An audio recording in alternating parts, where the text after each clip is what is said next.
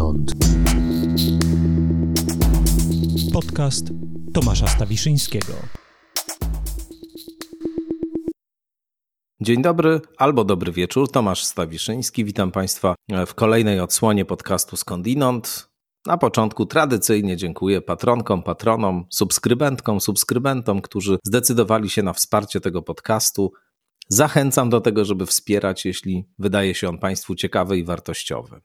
No a dzisiaj porozmawiamy o prywatności. Naszym gościem będzie dr Łukasz Pawłowski, socjolog związany z kulturą liberalną, autor książki Druga fala prywatyzacji. Nie o prywatyzacji, tylko o prywatności wszakże, tak jak powiedziałem, mówić dziś będziemy. O historii tego pojęcia, o tym, co to znaczy prywatność, co to znaczy prawo do prywatności, o tym także, jak zmieniało się nasze rozumienie prywatności i zakres e, jego oddziaływania tego pojęcia właśnie. Będziemy się oczywiście przyglądali temu wszystkiemu w kontekście rewolucji technologicznej, rewolucji cyfrowej. Będziemy się zastanawiać, czy w ogóle w świecie technologii cyfrowych, w mediach, w świecie mediów społecznościowych można jeszcze mówić o jakiejkolwiek prywatności, także w odniesieniu do tego, jak bardzo zmieniał się sposób myślenia o tym, co intymne, a co powszechne, co prywatne, a co publiczne, co prywatne, a co polityczne.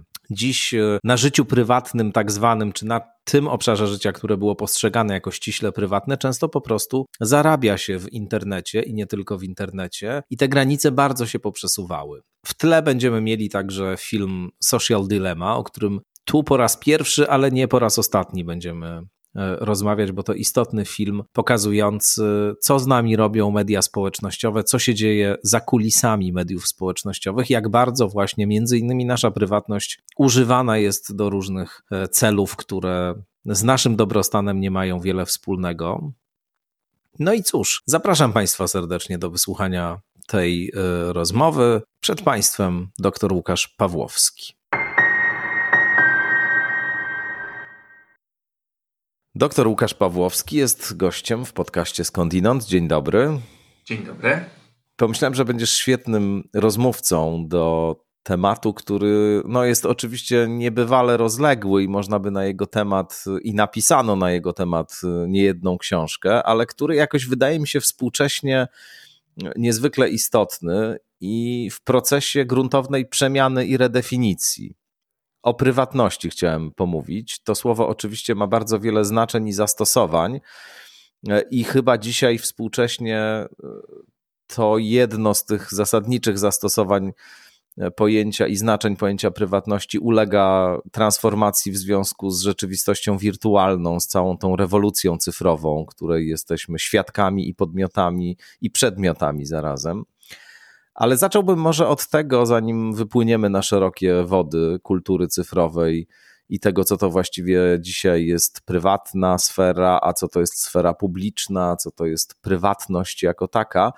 Żebyśmy zaczęli, chciałbym zacząć od tego, czym dla Ciebie właściwie jest to pojęcie, co Ty rozumiesz przez pojęcie prywatności. Rzeczywiście teraz e, to tak się dynamicznie zmienia, że, że trudno uchwycić tę definicję, bo ona staje się coraz e, bardziej płynna w tym sensie, że, że mamy kolejne wyzwania pokazujące nam granice e, tego naszego rozumienia. No, ale najprościej mówiąc, no to prywatność to jest prawo do tego, żeby być zostawionym w spokoju. Prywatność mm. to jest prawo do tego, żeby ktoś ci, mówiąc bardzo kolokwialnie, czegoś nie narzucał, nie wciskał e, i nie e, próbował wejść w taką sferę, którą chcesz e, zachować dla, ciebie, dla siebie. No ale oczywiście tu robi się bardzo trudno już na samym początku, bo pojawia się cały szereg pytań. Czy ja mam prawo zrezygnować z prywatności? Jeśli z niej zrezygnuję, czy mam prawo ją odzyskać? E, no i e, prywatność musi być też stawiana wobec e, innych wartości. Pierwsza, która przychodzi mi do głowy, no to jest oczywiście konflikt między prawem do prywatności, a tak zwanym interesem społecznym. No i to, to już się zaczyna bardzo, bardzo poważny problem. No, powiedzmy w ogóle o tym prawie do prywatności słowo. To jest rzecz dosyć późna, bo to jest końcówka XIX wieku. Dwóch y, amerykańskich prawników, Samuel Warren i Louis Brandeis, y, publikują y, pod koniec XIX wieku, dokładnie w 1890 tek, roku, tekst pod tytułem Prawo do prywatności, co ma w ogóle związek z życiorysem jednego z nich, który staje się wcześniej jednym z bohaterów kroniki towarzyskiej i takich tabloidalnych plotek rozmaitych, które w związku z jego wrzenieniem się w pewną znamienitą rodzinę e, się propaguje i, i, i, rzeczywiście dla niego to jest traumatyczne doświadczenie i oni to formułują w tym, w tym właśnie 1890 roku. I e, ta definicja, o której powiedziałeś, to jest właśnie ta definicja, której oni tam uważają, e, które, której oni tam używają. Zasadniczym przedmiotem prawa do prywatności jest dokładniej rzecz mówiąc nienaruszalna osobowość człowieka i każdy z nas ma prawo być pozostawionym w spokoju, jeśli tylko sobie życzy. I to się bardzo ściśle łączy, pojawienie się tej kategorii prawnej z rozwojem prasy, z rozwojem rubryk towarzyskich, z rozwojem fotografii także. No tak, e, ale tutaj mamy od razu e, cały szereg e, tematów. No jeżeli mamy osobę no choćby wejdźmy w to, osobę publiczną, nie osobę prywatną, czyli na przykład osobę, która stara się o, nie wiem, o urząd, tak? stara się, startuje w wyborach, to czy ją obowiązują takie same standardy i przysługują jej takie same mm, prawa, jak osobie prywatnej, która sobie żyje i, i gdzieś z boku i nie chce wchodzić do, do tak zwanej sfery publicznej. E, I mi się wydaje, że absolutnie nie. To znaczy, już, e, już w takim przypadku możemy mówić o, o innych standardach. Zresztą to nieraz powraca w dyskusjach o na przykład o politykach. E, czy rodzina polityka powinna być przedmiotem zainteresowania prasy, mediów, opinii publicznej? E, czy też rodzina ma prawo do tego, żeby zostać e, zostawiona samej sobie. Wiesz, e, kilka dni temu mieliśmy debatę, tak zwaną debatę prezydencką między Donaldem Trumpem i Joe Bidenem i tam jednym z wątków, które Trump bardzo eksploatował, było, było uzależnienie od narkotyków jednego z synów Bidena.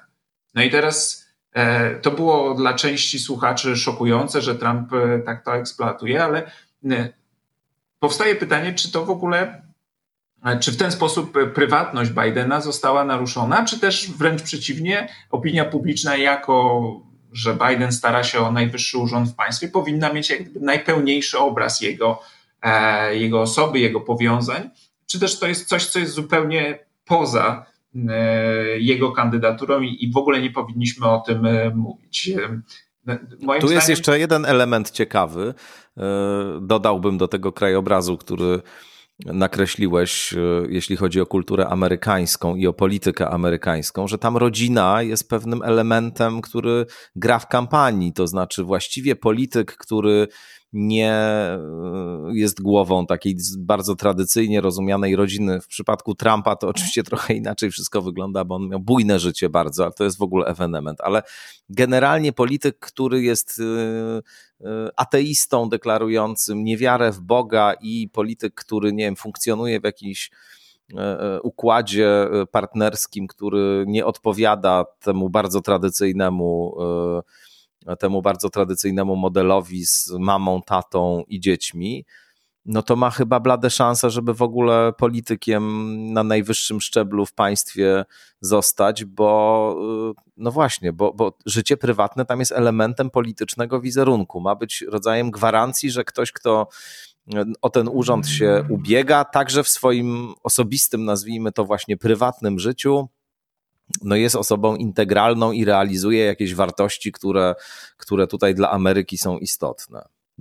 No właśnie. E, I e, w związku z tym, tak jak powiedziałeś, to znaczy polityk wykorzystuje w pewnym sensie swoją prywatność, swoje życie rodzinne do tego, żeby zwiększyć swoje szanse w kampanii wyborczej, a więc służy mu to do osiągania celów zawodowych w sferze publicznej, no ale kiedy już prasa, czy media, czy, czy wyborcy zaczynają za bardzo się interesować albo odkrywają e, fakty nie, niezbyt dla polityka wygodne, no to wtedy podnosi się larum, że to jest inwazja i, i wejście w prywatność. Moim zdaniem jest tak, że jeżeli e, polityk, e, tak jak powiedzieliśmy, wykorzystuje wizerunek rodziny i pewne wartości rodzinne głosi, e, no to wydaje mi się, że opinia publiczna ma prawo sprawdzić, czy on zgodnie z tymi wartościami żyje.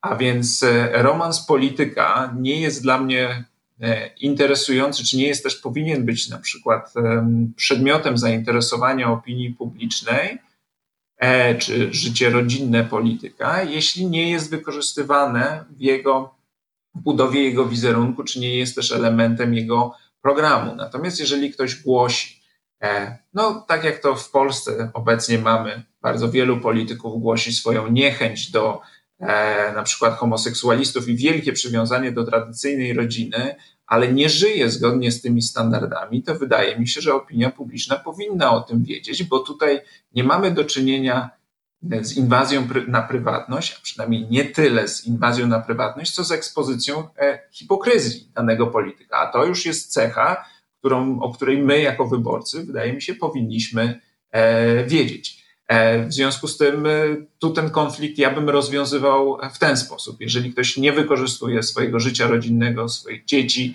do tego, żeby promować się politycznie, no to powinniśmy też uszanować tę prywatność. Jeżeli jest odwrotnie, E, i ktoś e, na przykład głosi, jakim to jest wiernym e, małżonkiem, a jednocześnie zdradza swoją żonę, no to wydaje mi się, że opinia publiczna powinna o tym wiedzieć, nie ze względu na, na, na sam fakt, że, że ten ktoś zdradza, ale ze względu na to, że kłamie.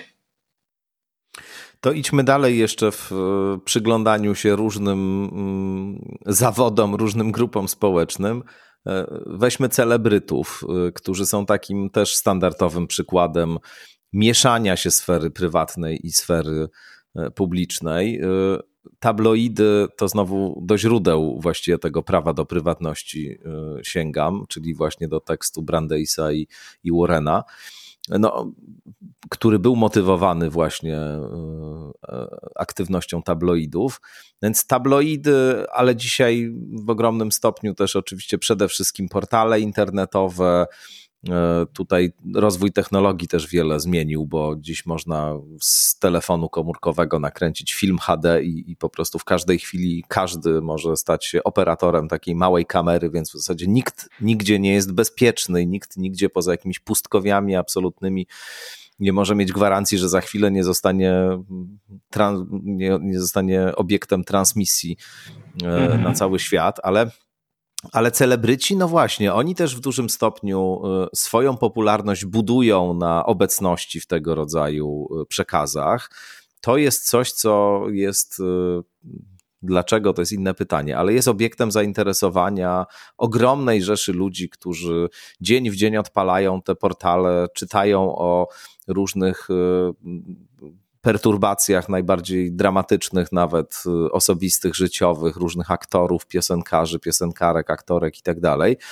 Mm, no i tutaj też pojawia się takie samo właściwie pytanie, jak w przypadku polityków, bo z jednej strony celebryci podkreślają, y, że mm, cóż, no, mają prawo do swojego życia, nie powinno się tutaj jakby w żaden sposób w to życie wchodzić z jakimiś y, kamerami i tak dalej. Z drugiej strony, no, dzisiaj właściwie przy rozwoju portali społecznościowych, Instagrama i tak dalej, bez przerwy także życiem prywatnym się gra, ono jest eksponowane, jest fotografowane, transmitowane i tak dalej.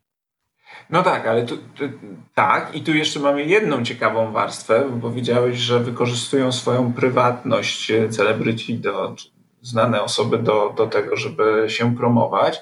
No ale tu mamy jeszcze do czynienia z pewną iluzją prywatności. Bo przecież nie jest tak, że, że ktoś sprzedaje nam całość swojego życia prywatnego, tylko to, co mamy sprzedawane za pośrednictwem czy mediów społecznościowych, czy, czy programów typu reality show, gdzie ktoś wpuszcza kamerę do swojego domu, no to też jest pewien wycinek, pewna kreacja.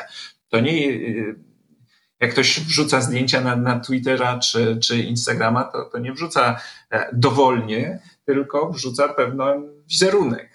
I to jest e, pewna iluzja, kiedy jakaś e, gwiazda pokazuje nam siebie, nie wiem, w szlafroku, bez makijażu, to wydaje nam się, że oto zajrzeliśmy za, za, za zasłonę i widzimy, jak ten ktoś funkcjonuje naprawdę. No, w gruncie rzeczy jest to pewna kreacja, to znaczy taka iluzja dostępu i iluzja tego, że my wiemy coś więcej niż inni, że jesteśmy jak, jakoś bliżej, więc to, to jeszcze jest ciekawe. Natomiast drugą rzeczą jest oczywiście to, że, że te granice są często przekraczane także przez media, że ten ta, ten związek między medium a, a, a postacią e, jest bardzo dynamiczny, no bo z jednej strony w interesie mm, kogoś znanego jest e, udzielanie wywiadu i pokazywanie jakiejś strony swojej osobowości, czy opowiadanie swojej historii, i tych wywiadów mamy e, mnóstwo. Ja nawiasem mówiąc, dziwię się, nie rozumiem, ile można mieć do powiedzenia na temat swojego życia miłosnego w przypadku niektórych postaci. Mówię zupełnie poważnie. Są takie postaci w polskiej sferze publicznej. Nie czytam tych wywiadów, ale widzę je na okładkach e, w salonach prasowych, w kioskach, gdzie jedna i ta sama pani no, w czterech różnych na przykład magazynach w przeciągu dwóch miesięcy opowiada o tym, czy się na nowo odnalazła, zrozumiała siebie, teraz wie po co żyje i tak dalej. Nie wiem, ile razy można mówić o tym i, i to jest jakoś e, fascynujące, ale e, to jest w interesie i oczywiście i gazety, która ma czytelników, i, i tej osoby, ale później e, gazeta czy, czy medium może pójść dalej. I na przykład no, był taki wielki skandal w Wielkiej Brytanii, gdzie próbowano i hakowano telefony E, gwiazd, tak, żeby uzyskać. Hugh Grant był jedną z, z ofiar takiego procederu e, i wytoczył proces. E, no i to jest oczywiście, wydaje nam się, że to już jest e, pójście o wiele, o wiele za daleko. Z drugiej strony e, mamy też relacje pracowników e, mediów takich tabloidowych, tu przychodzi mi do głowy taka książka Wyznania Hieny. To była taka, taka powiedzmy, quasi biograficzna książka pracownika jednego z e, tabloidów, gdzie czytamy, że pewne e, gwiazdy, w cudzysłowie, e, potrafią same kontaktować się z tymi mediami i informować ich o tym, że tu i tu na przykład spotkam się ze swoją kochanką, żeby uzyskać takie zdjęcie i uzyskać jakąś, jakiś szum wokół siebie. Więc jak ta relacja między tymi postaciami, czy tymi dwiema stronami jest znowu nie taka prosta, jakby nam się wydawało. I niekiedy niestety osoby znane popełniają ten błąd, że wpuszczają media jakoś w swoje życie prywatne, no a później dziwią się, e, że, e, że te media z tego dostępu korzystają. Z drugiej strony, no oczywiście prywatność jest niekiedy naruszana w sposób jawny, no nie wiem, kiedy media wysyłają drony czy, czy różnego rodzaju fotografów po to, żeby uzyskać zdjęcia z absolutnie prywatnej sfery e, danej postaci. Ale tutaj rzeczywiście te interesy niekiedy się krzyżują, niekiedy się bardzo rozchodzą, e, ale nie jest znów to tak proste, jakby, jakby nam się wydawało, bo osoba znana chce sprzedać swoją prywatność na swoich warunkach, a druga strona w postaci mediów chce ją zdobyć e, po to, żeby zmaksymalizować swoje korzyści, i tutaj wchodzimy w konflikt interesów. No to jeszcze jeden krąg dodam w takim razie, już chyba ostatni e, do tej struktury, którą rysujemy, mianowicie mm, nową klasę właściwie e, użytkowników czy postaci publicznych, a może raczej tak, użytkowników sfery publicznej, postaci publicznych. To znaczy influencerów, którzy właściwie budują swoją karierę właśnie wyłącznie albo w dużym stopniu na ekspozycji no właśnie nie wiem, czy jeszcze powiedzenie, że życia prywatnego byłoby, byłoby zasadne. W każdym razie na e, czymś na kształt takiego nieustannego e, streamingu tego, co dzieje się z nimi, z, e, z ich życiem właśnie. Często takiego streamingu obejmującego również różne aspekty tego życia uchodzące za dość intymne, jak na przykład bliskie relacje właśnie, albo albo jakieś problemy zdrowotne, różnorakie i tak dalej. I to jest rzeczywiście mm, segment niezwykle się rozwijający w ostatnim czasie. Te postacie mm, często cieszą się jakąś niebywałą popularnością, przekraczającą popularność osób, które wykonują jakieś powiedzmy konwencjonalne publiczne zawody, czyli, czyli te takie tradycyjne typu właśnie aktorka czy, czy, czy piosenkarz, etc. A jeśli nawet nie tak bardzo są popularni ci, ci influencerzy, influencerki, no to w każdym razie doganiają tamtych i tutaj już w zasadzie jakby no nie wiem, o ile w tamtym przypadku można powiedzieć, że ktoś jednak wykonuje pewien zawód, jest aktorem, oglądamy go w filmie albo nagrywa muzykę, no a reszta to już jest pewien naddatek, że się tak bardzo nim interesujemy. O tyle tutaj już w zasadzie nic poza tym czystym życiem, nagim życiem, oczywiście przetworzonym, żartuję używając tych kategorii, mhm. przetworzonym, wyreżyserowanym często, ale pozorującym życie, życie naturalne i, i prywatne. No już nic poza tym nie istnieje właściwie. Oczywiście, że tak. Tu jeszcze warto zwrócić uwagę w przypadku tych, tak jak powiedziałeś, tradycyjnych gwiazd, oczywiście nie ma żadnego logicznego związku między tym, e, że ktoś jest dobrym aktorem i oglądamy go w kinie, a tym, że chcemy wiedzieć, co robi w życiu prywatnym. To znaczy, to są no właśnie. dwie sfery i a, a my przyzwyczailiśmy się sądzić, że skoro ktoś występuje w, właśnie w filmach, serialach, no to naszym prawem jako widza jest wiedzieć, jakim tym E, ta osoba jest e, kimś w życiu prywatnym, z kim się spotyka, jakie ma problemy i co sądzi, nie wiem, na, na tematy od politycznych po, po, po, po, czy gospodarcze. E, bardzo często też tego oczekujemy, choć tu naprawdę nie ma żadnego logicznego związku. A co do tych tak zwanych influencerów, no to oczywiście. I tutaj dochodzą jeszcze no, aspekt oczywiście mediów, za, za pośrednictwem których te, te osoby się promują. Bo tutaj wchodzimy jeszcze w ten e, temat, mówiliśmy o mediach e, tradycyjnych, a tutaj wchodzimy jeszcze w media e, tak zwane nowe, chociaż one już przecież wcale nowe nie są. No i cały temat tego, co dzieje się z informacjami, jakimi ci ludzie, a także my sami dzielimy się między sobą i, i jakimi się wymieniamy, i jak te informacje są e, przetwarzane. Wydaje mi się jeszcze tylko dodałbym, że w przypadku tych e, nowych form e, dzielenia się prywatnością, no jak gdyby problemy są bardzo podobne jak w przypadku tradycyjnych mediów, bo te osoby chcą dzielić się pewną wizją swojej prywatności i swojego życia, to znowu jest pewna iluzja, że one dzielą się wszystkim, bo to jest nieprawda, zawsze to jest jakiś imidż, który dostajemy, zawsze jakoś przetworzony. E, I znowu pojawia się problem, co, co, co wówczas, kiedy ten imidż nagle pęka, bo ludzie e, e, dowiadują się, czy widzą pewne nie, niespójności, rysy e, na tym wizerunku i za pośrednictwem tych samych mediów, które służą do promocji danej osoby, potrafią ją bardzo szybko zniszczyć, e, czy zniszczyć ten wizerunek. E, I wtedy podnosi się krzyk, że to jest inwazja na prywatność i nadużywanie wolności.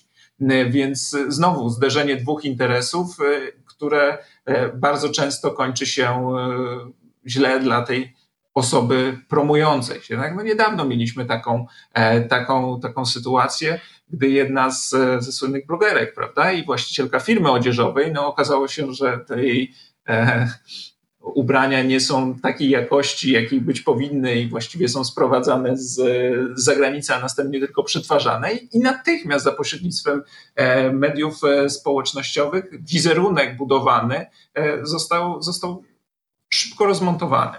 Choć tutaj oczywiście nie mieliśmy do czynienia z inwazją na, na prywatność, tylko szybkim ujawnieniem tego, że ten wizerunek jest najzwyczajniej w świecie no, niespójny. Wiesz, ja jeszcze uważam, że, że takim no, słoniem w pokoju, o którym jeszcze nie powiedzieliśmy, no to jest e, pojęcie prywatności na, nas, szaraczków, prawda? Którzy e, chcąc być w obiegu i korzystać z narzędzi, jakie daje nam współczesna technologia, no jednocześnie musimy handlować e, tym, co mamy, czyli właśnie informacjami na temat naszego życia prywatnego, naszych prywatnych preferencji. Które są starannie rejestrowane, przetwarzane i następnie używane do tego, żeby skłaniać nas do pewnych decyzji konsumenckich, żeby y, jakoś organizować naszą uwagę w odpowiedni sposób, żeby innymi słowy manipulować nami. E, tak. E, I e, manipu... znaczy właściwie to tutaj dostajemy różne komunikaty ale w gruncie rzeczy oczywiście masz rację. na Netflixie obecnie bardzo popularny, chyba także w naszym kraju jest film dokumentalny Social Dilemma. I tam hmm. podają jedną z takich zasadniczych mądrości czy prawd w, panujących w Dolinie Krzemowej, bardzo uderzające. I mówi, mówi ona tyle, że jeżeli jakaś usługa jest darmowa, jeżeli jakiś produkt jest darmowy, to znaczy, że ty jesteś produktem. Mm. I tak jest w przypadku mediów e, społecznościowych. Wszystkie te, te, te, główne oczywiście są darmowe.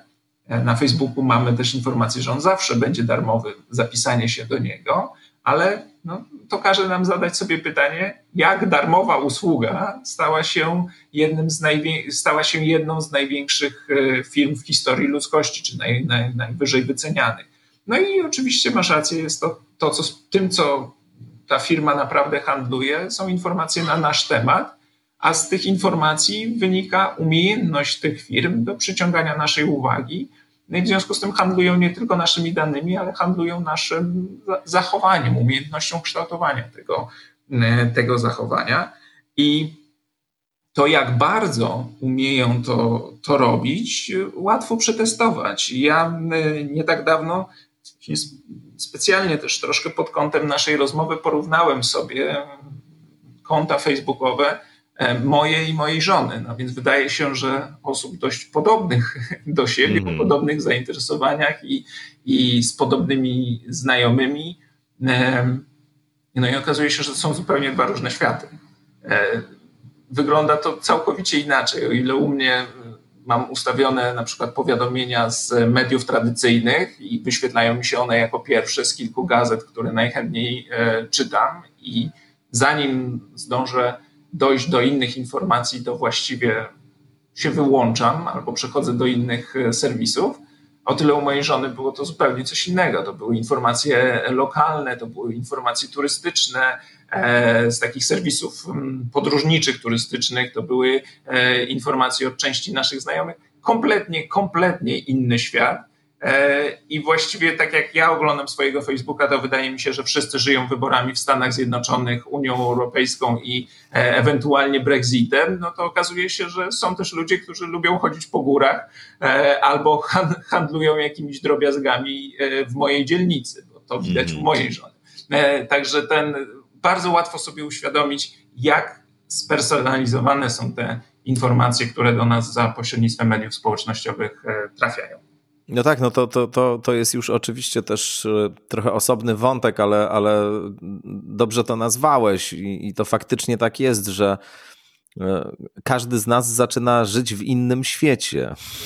Że ten, ten uwspólniony świat, do którego my się wszyscy zwracamy, biorąc pod uwagę, e, jak ogromną część naszego życia dzisiaj zagospodarowuje aktywność internetowa i jak wiele tam się dzieje, jak wiele z tego co stanowi materię naszego życia, przeniosło się do sieci, no to, no to ten uwspólniony świat nasz coraz bardziej się kurczy, a nie pojawił się właśnie taki uwspólniony wbrew pozorom świat w przestrzeni cyfrowej, o którym jeszcze marzyli pionierzy myślenia i pisania i też technologii, technologii często o internecie w latach 90., że to będzie właśnie taki trochę wspólny umysł, tylko pojawiły się takie zamknięte rzeczywistości monadyczne, które pomiędzy sobą właściwie się nie kontaktują za bardzo. Jak się kontaktują, to na zasadzie antagonizmu albo albo jakiegoś, e, e, jakichś innych emocji o charakterze negatywnym. No więc e, to rzeczywiście jest dość osobliwa sytuacja i, i, i chyba coraz bardziej się prywatyzujemy właśnie paradoksalnie w tych światach. One się stają coraz bardziej takie zamknięte, prywatne, mimo tego, że noszą pozory publiczne.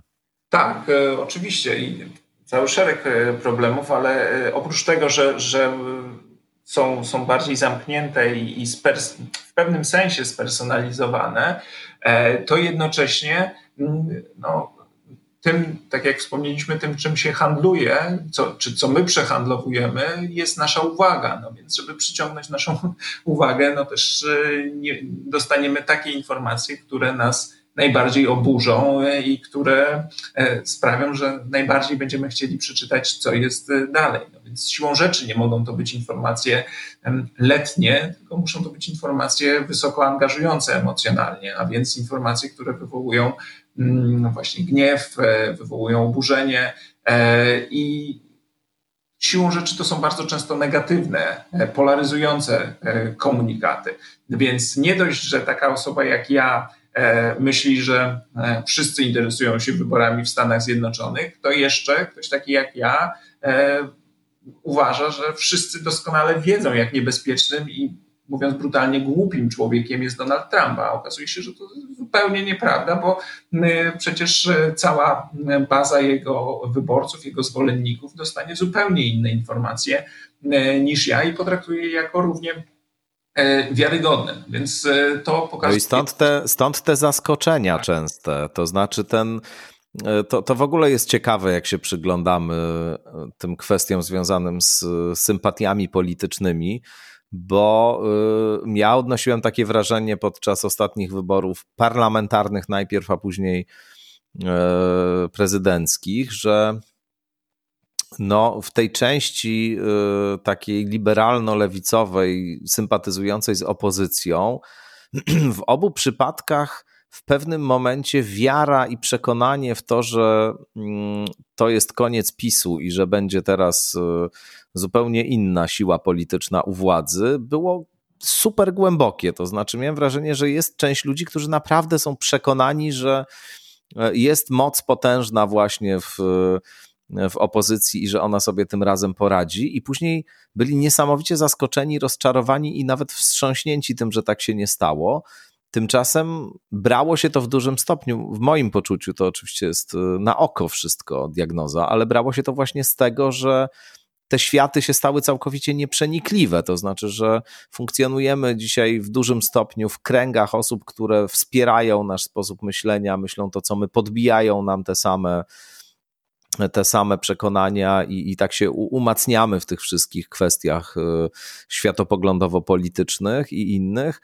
No a e, starannie się izolujemy od całej reszty i, i, wręcz reagujemy e, negatywnie bardzo, kiedy stykamy się z jakimiś innymi przekonaniami. No i to powoduje właśnie takie, takie odrealnienie też między innymi. To oczywiście nie jest zupełnie nowe zjawisko, bo e, często się przywołuje w tym kontekście wybory E, pierwsze wolne wybory prezydenckie w Polsce, mm. kiedy ludzie dziwili się, jak e, mógł wygrać kto inny niż Tadeusz Mazowiecki, bo przecież wszyscy moi znajomi głosowali na, Ma, na Mazowieckiego. E, tylko, że teraz to, to oczywiście no, zwielokrotnione, no, w tym sensie, że te przekazy, które do nas trafiają, są wysoce spersonalizowane. I to nie tylko spersonalizowane, gdy idzie o ogólną tematykę, czyli tak jak trzymając się tego mojego przykładu, na przykład tematykę polityki amerykańskiej. E, do wyborców trafiają też przekazy czy reklamy dostosowane do tego, co dla nas naprawdę ważne.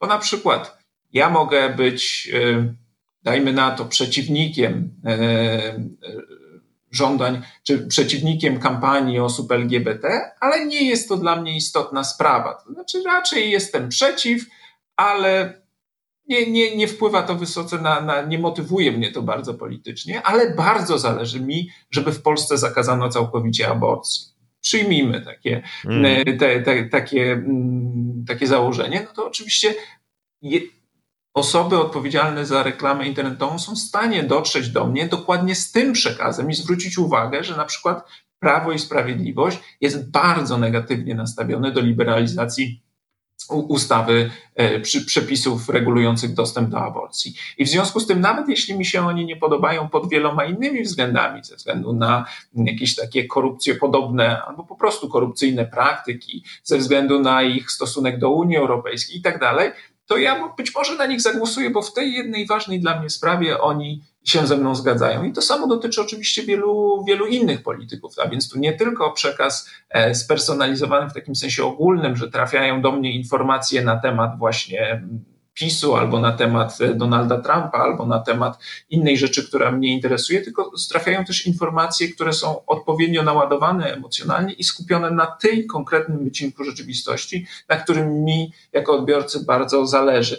I gdy się nad tym zastanowić, jak wiele informacji zostawiamy w sieci, no to też przestaje nas dziwić, e, przestaniemy się dziwić, że, że te informacje e, później wracają do nas, jak gdyby, czy są wykorzystywane e, przeciwko nam w, te, w ten właśnie sposób. A to, o czym powiedziałeś, czyli utrata jakiejś takiej takiego forum publicznego, no to oczywiście to jest, to jest ten centralny problem, o którym nie bardzo wiadomo, jak sobie z nim poradzić. No, takim najprostszym rozwiązaniem, które przychodzi do głowy, jest budowa mediów publicznych.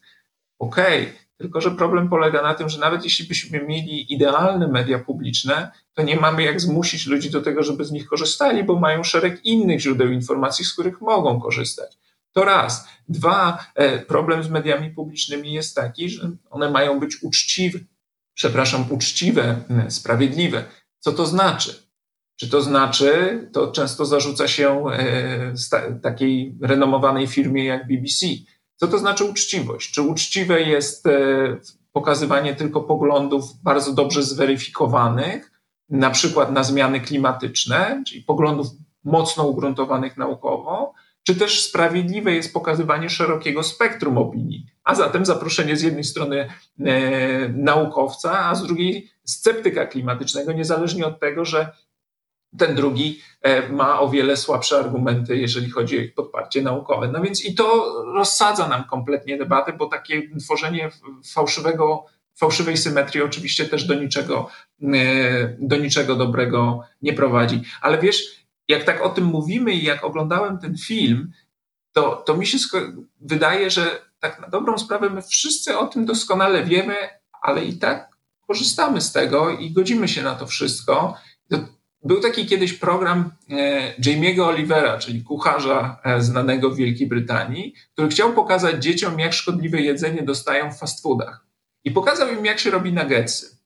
I nie jest to przyjemny proces, bo to nie jest najwyższej, Niewątpliwie. Jakości, najwyższej jakości mięso. Pokazał im, jak to się robi. A na koniec dał im do wyboru nuggetsy i jakąś zdrową przekąskę. No i jak się domyślasz, wszystkie dzieci i tak, mimo że widziały, jak się je robi, wybrały nuggetsy. I myślę, że z nami jest i mediami społecznościowymi jest troszkę, troszkę podobnie. Niby wszystko wiemy, no ale nie bardzo mamy alternatywę, czy, czy nie, nie, nie, nie chcemy o niej pomyśleć, żeby korzystać z czegoś innego.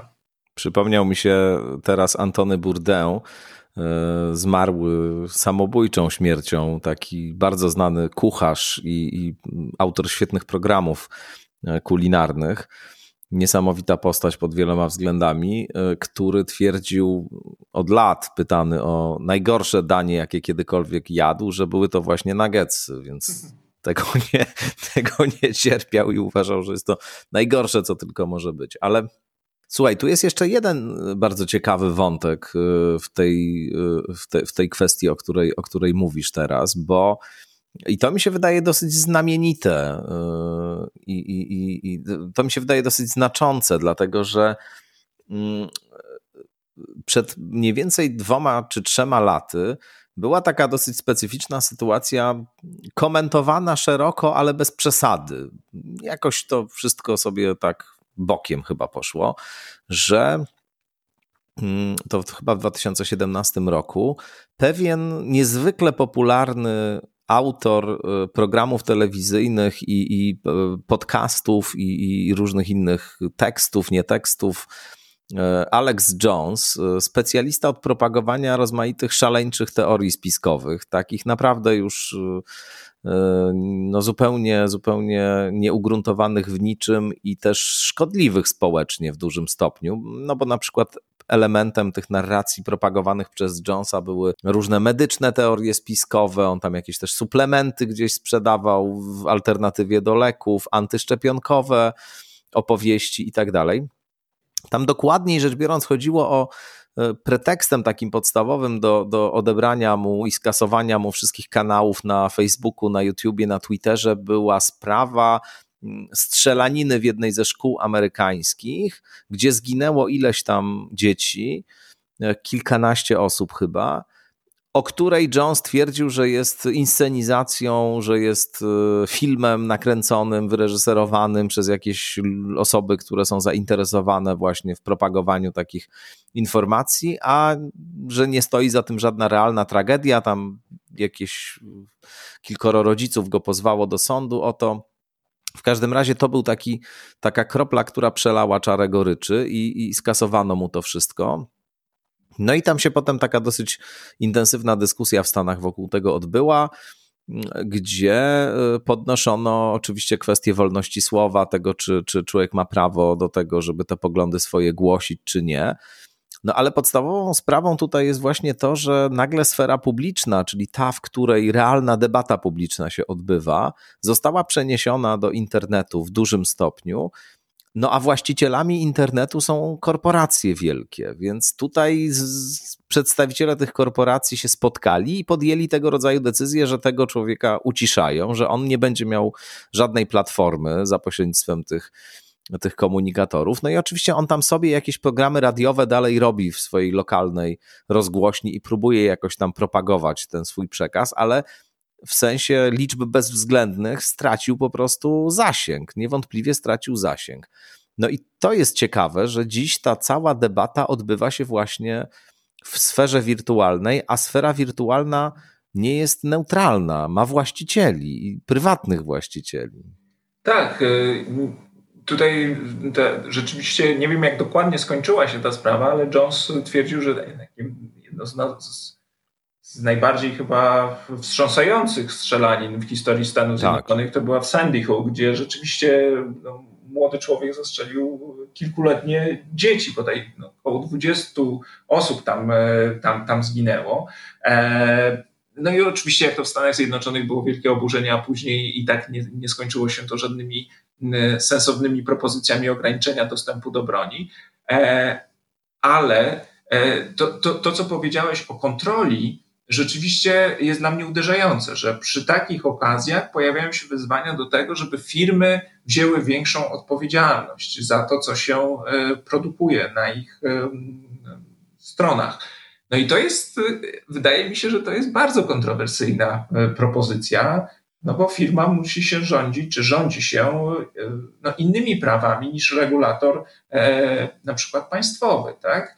E, I w związku z tym przerzucanie odpowiedzialności na firmy no, prowadzi do takiego ryzyka, e, że oto ktoś, kto no nie ma żadnej legitymizacji do tego, żeby regulować, co jest dopuszczalne, e, dopuszczalną wypowiedzią, a co nie. I ktoś, kto jest no, z gruntu motywowany e, chęcią uzyskiwania zysku i poszerzania swojej publiczności, i przyciągania ludzi i utrzymywania ich na stronie jak najdłużej, no, że ktoś taki będzie decydował, co jest e, dopuszczalne, a co nie. To jest, e, to jest taka, takie wyzwanie, które wydaje się na pierwszy rzut oka słuszne, no bo ktoś ma firmę, to odpowiada za to, ktoś ma medium społecznościowe, to powinien za nie odpowiadać, no ale z drugiej strony ten ktoś y, nie może przyjmować, wydaje mi się, roli, która powinna leżeć jednak, y, czy przysługiwać e, ludziom z odpowiednią polityczną legitymizacją do tego, a więc legislatorom,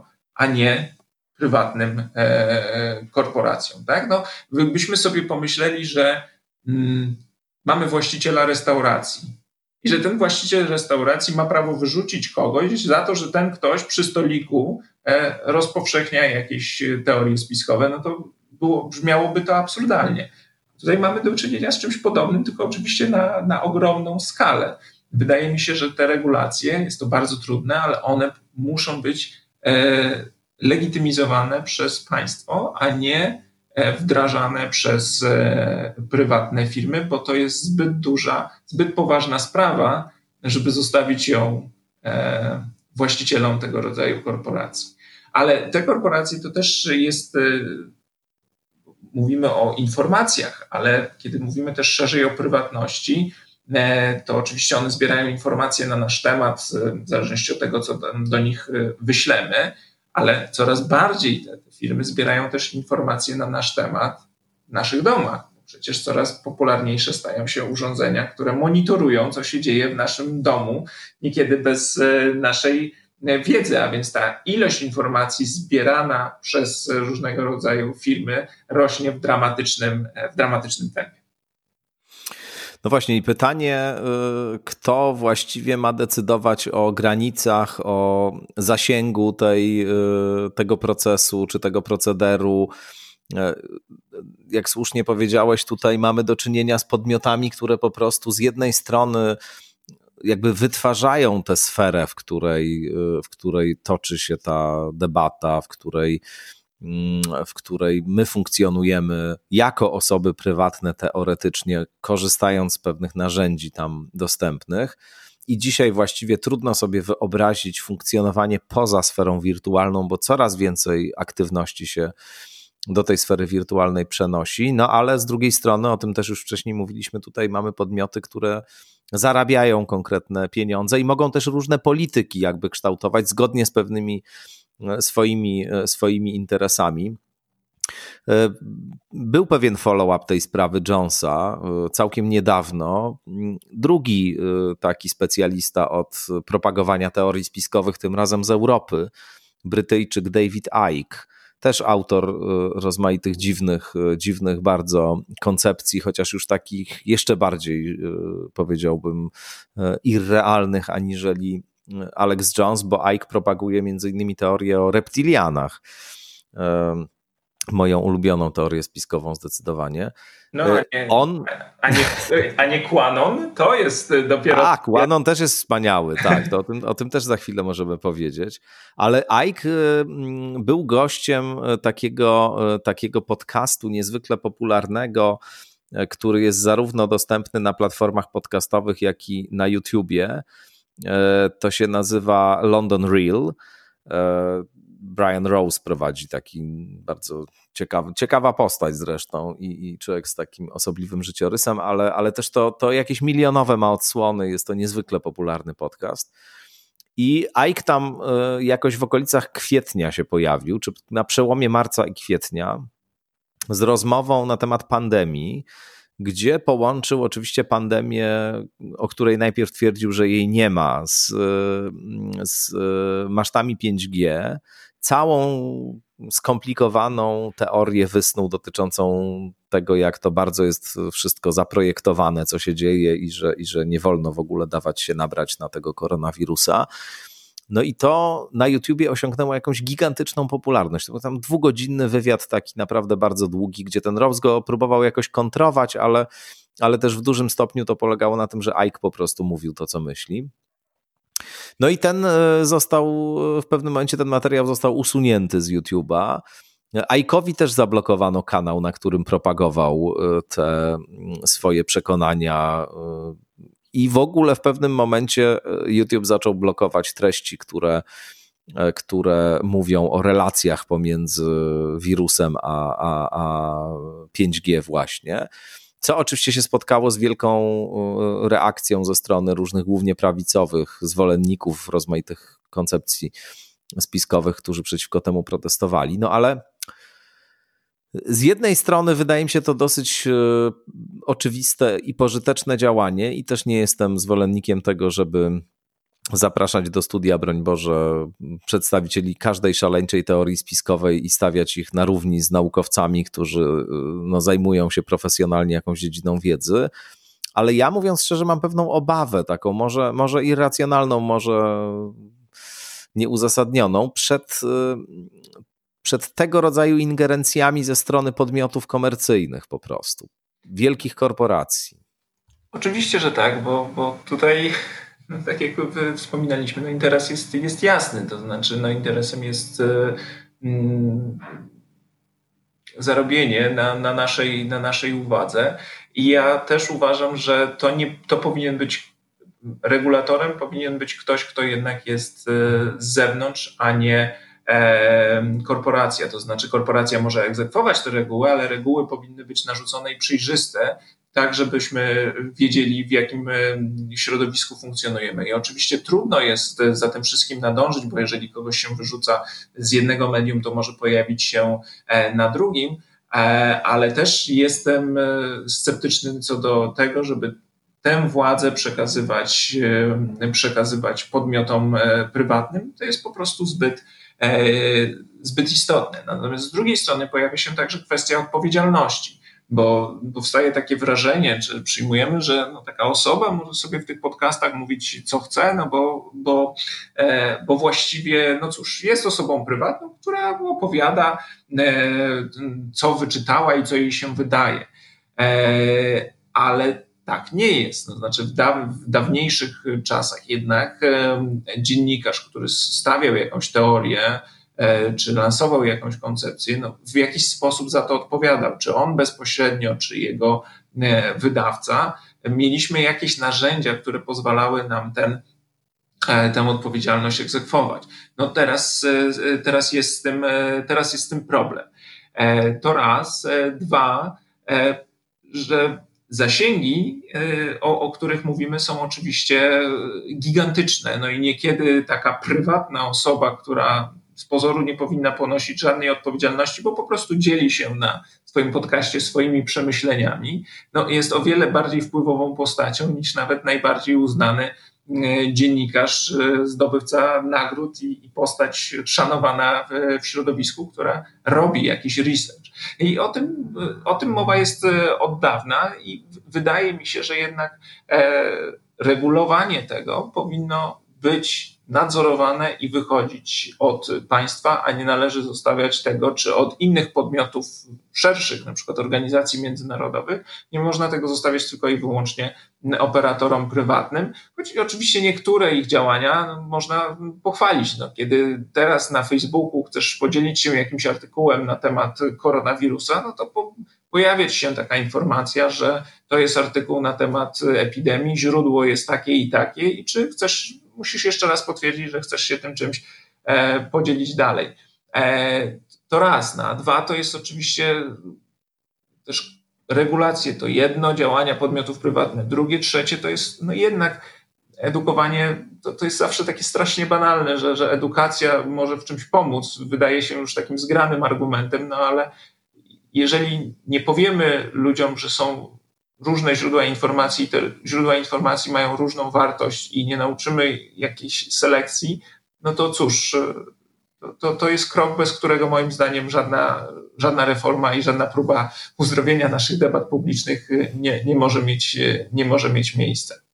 Na koniec jeszcze zatrzymałbym się przy pewnym haśle, które Równie dobrze mogłoby się pojawić na początku naszej rozmowy, ale, ale y, pojawia się na końcu, bo od innej trochę strony o tej prywatności dotąd mówiliśmy. Posługując się jednak cały czas taką właśnie klasycznie liberalną różnicą pomiędzy tą sferą prywatną i sferą publiczną. Tymczasem mamy bardzo popularne także i dzisiaj hasło mm, w różnych ruchach lewicowych silnie akcentowane i w różnych y, koncepcjach y, lewicowych też y, mm, stojące, powiedziałbym, na prawach y, zasadniczego założenia albo nawet i dogmatu. To jest hasło, które pierwotnie wywodzi się z rewolucji leninowskiej, ale zostało zaadaptowane do e, także rewolucji w latach 60. Brzmi ono: prywatne jest polityczne.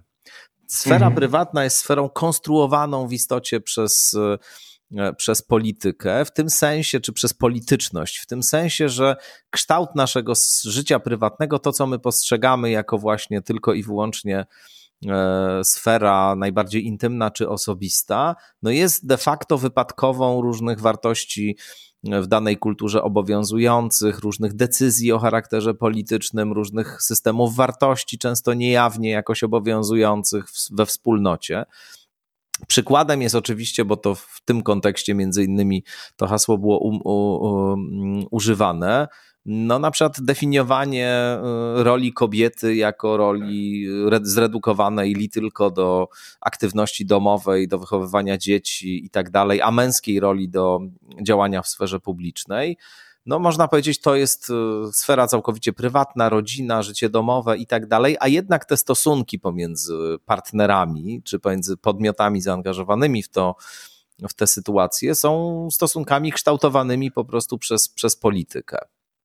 No i teraz właśnie pytanie, na ile w tych wszystkich kontekstach, o których mówimy, i w tym kontekście cyfrowym, i w tym kontekście aktualnym, który teraz poruszamy, no, ta, ta cała konstrukcja sfery prywatnej, sfery publicznej, tego co, co osobiste, co prywatne, jeszcze jest do utrzymania, bo z drugiej strony, jak patrzymy na aktywności różnych y, różnych aktywistów lewicowych, na przykład i aktywistek, na pewien paradygmat w ogóle myślenia o, o, o świecie, o życiu, o sprawach ludzkich, y, to, to tam wydaje się, że w ogóle sfera prywatna jako taka już kompletnie przestała istnieć. To znaczy, używa się tego, co tradycyjnie do tej sfery przynależne, jako amunicji y, w walce politycznej czy, czy w walce o, o, jakieś tam określone, określone wartości i chyba tam już kompletnie to wszystko po, się pomieszało. O.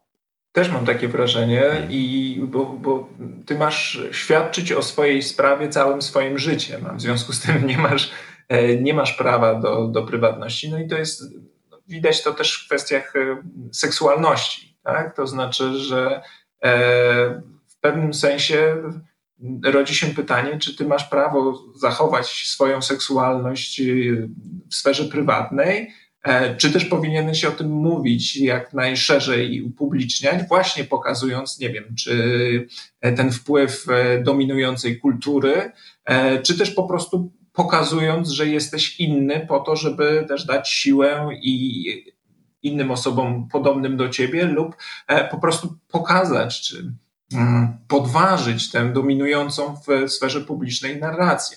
I teraz, jeżeli ty się nie decydujesz na ujawnienie e, tej prywatnej, do tej pory prywatnej sfery swojego życia, no to milcząco godzisz się na dominację tego, tego schematu, można tak powiedzieć, który, do, który, który w danym społeczeństwie panuje. I tylko poprzez pokazanie, że jesteś, e, że, że, że, że jesteś kontrprzykładem e, tejże, dla, dla tej dominującej narracji, no, jakby działasz na rzecz zmiany obowiązującego porządku. I też mam z tym bardzo poważny problem, bo wydaje mi się, że człowiek powinien mieć e, prawo do tego, żeby e, pewne sfery zachować prywatnie ma też w prywatności i ma też prawo do tego, żeby na przykład jego seksualność nie była czynnikiem definiującym go w sferze publicznej.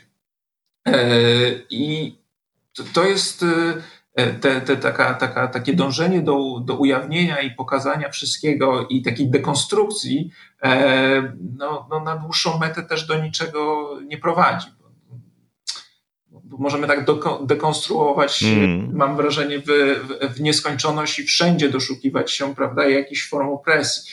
E, I to jest bardzo modne dzisiaj, powiedziałbym właśnie w kręgu pewnych y, mocno lewicowych dyskursów, takich y, zgrupowanych zbiorczo pod y, nazwą teorii krytycznej, stosowanej w różnych, w różnych obszarach oczywiście, a to do kwestii dyskryminacji rasowej, dyskryminacji płci, dyskryminacji z uwagi na orientację seksualną i tak dalej. To się bardzo różni od to, co dzisiaj pod tą egidą funkcjonuje metodologicznie, teoretycznie i aksjologicznie, bardzo się różni od, no powiedziałbym, takich klasycznych ruchów emancypacyjnych, które doprowadziły do zmian, nie wiem, w latach 60., na przykład wcześniej też, rzecz jasna, takich bardzo konkretnych zmian społecznych, no bo tam akcentowano zdecydowanie równość no i, i równouprawnienie, a tutaj się podkreśla różnice.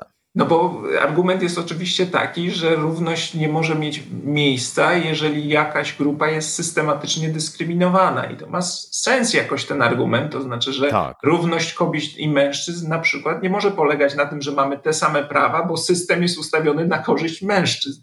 W związku z tym e, kobiety powinny być traktowane, żeby były równe, muszą być traktowane w pewnym względach trochę inaczej. No i to jest e, jeden z tych argumentów, ale to, o czym mówimy w przypadku prywatności, no to jest pytanie, czy to jest e, takie dążenie do stwierdzenia, że jeżeli ktoś wybiera na przykład tradycyjny model rodziny, to on go de facto nie wybiera, tylko jest on mu narzucany. E, a więc i on w pewnym sensie, ta osoba ma fałszywą świadomość, powinna dokonywać innych wyborów. No i to już nas prowadzi do, do takiej paradoksalnej sytuacji, że oto w imię wolności zmusza nas się do dokonania jakichś bardzo konkretnych wyborów i określonego stylu życia. I to jest takie pewne napięcie, czy my E, dokonując jakichś wyborów życiowych, czy e, dokonując wyborów, jeśli chodzi o ujawnianie naszej prywatności, naszego życia prywatnego, jeżeli chcemy coś ukryć, jeżeli chcemy żyć w określony sposób, to czy to jest nasz wolny wybór, czy to jest właśnie ten wpływ społeczeństwa? No i ta e, tutaj radykalna postawa byłaby taka, że wszystko jest konstruktem społecznym, a w związku z tym, kiedy my dokonujemy jakichś takich właśnie zgodnych z tradycyjnymi normami wyborów, no to de facto dajemy się prowadzić za nos z jakimś większym siłą. E, a w związku z tym musimy się z nich e, wyzwolić, musimy to, to ujawnić, pokazać wszystkim i, i, przepracować. No, co, co do mnie nie, nie do końca e, przemawia, jak mam być, jak mam być szczery. No mnie również. I rzeczywiście no, prowadzi do takiej no, patologicznej sytuacji, w której wszystko nieustannie trzeba się dekonstruować i wszędzie, w każdym swoim zachowaniu, niezależnie od tego, czy prywatnym, czy publicznym, doszukiwać się jakichś właśnie wpływów, czynników zewnętrznych, a w związku z tym także jakiegoś, jakiegoś zniewolenia naszego. Tak? A, a skutkiem tego jest zniewolenie tylko przez inny i inny dyskurs, e, którego, którego padamy ofiarą. I tak jak mówisz, jedną z tych ofiar jest, jest życie, życie prywatne, bo to musimy pokazać wszystkim, że żyjemy zgodnie e, z, z nakazami człowieka takiego wyemancypowanego, e, a nie możemy zachować czegoś, zachować czegoś dla siebie. Ale wiesz, jeśli już mówimy jeszcze, już kończymy, to ja bym chciał jeszcze na jeden aspekt prywatności zwrócić uwagę, który nie zwróci, o którym jeszcze nie mówiliśmy, mhm. że to dobrze widać też w, w, języku angielskim, gdzie masz privacy e, i privilege, to znaczy mhm. prywatność często też kojarzy się z pewnym przywilejem. E, prywatność to mogą być nie tylko nasze prywatne życie i nie tylko nasze prywatne sprawy, ale przecież prywatne to jest, mogą być też prywatne szkoły prywatna opieka zdrowotna, prywatna droga. E, to, to, to wiąże, prywatność ma też ten aspekt właśnie związany z tym, e, że, że zyskujemy jakąś przewagę, jakiś przywilej, którego inni nie mają. I to prawo do prywatności też może być towarem, który my sobie po prostu kupujemy dzięki temu, że mamy E, wyższą, lepszą pozycję, pozycję społeczną, no to mnie interesuje, e, wiesz skądinąd, ze względów na, na, na, na, na tę książkę, którą pisałem o, o prywatyzacji, rozumianej właśnie jako chęć ucieczki z systemu publicznego i wykupienia sobie prawa do czegoś, e, do, do, do czegoś lepszego. To jest inny wątek, ale wydaje mi się, że tak prywatność też można, te, też można tak na nią spojrzeć. Bardzo dziękuję. To jest bardzo dobra puenta tej rozmowy. Łukasz Pawłowski, dziękuję Ci bardzo. Dziękuję. Państwu też dziękuję. No i oczywiście, oczywiście zapraszam na kolejne odsłony podcastu Skądinąd. Do usłyszenia.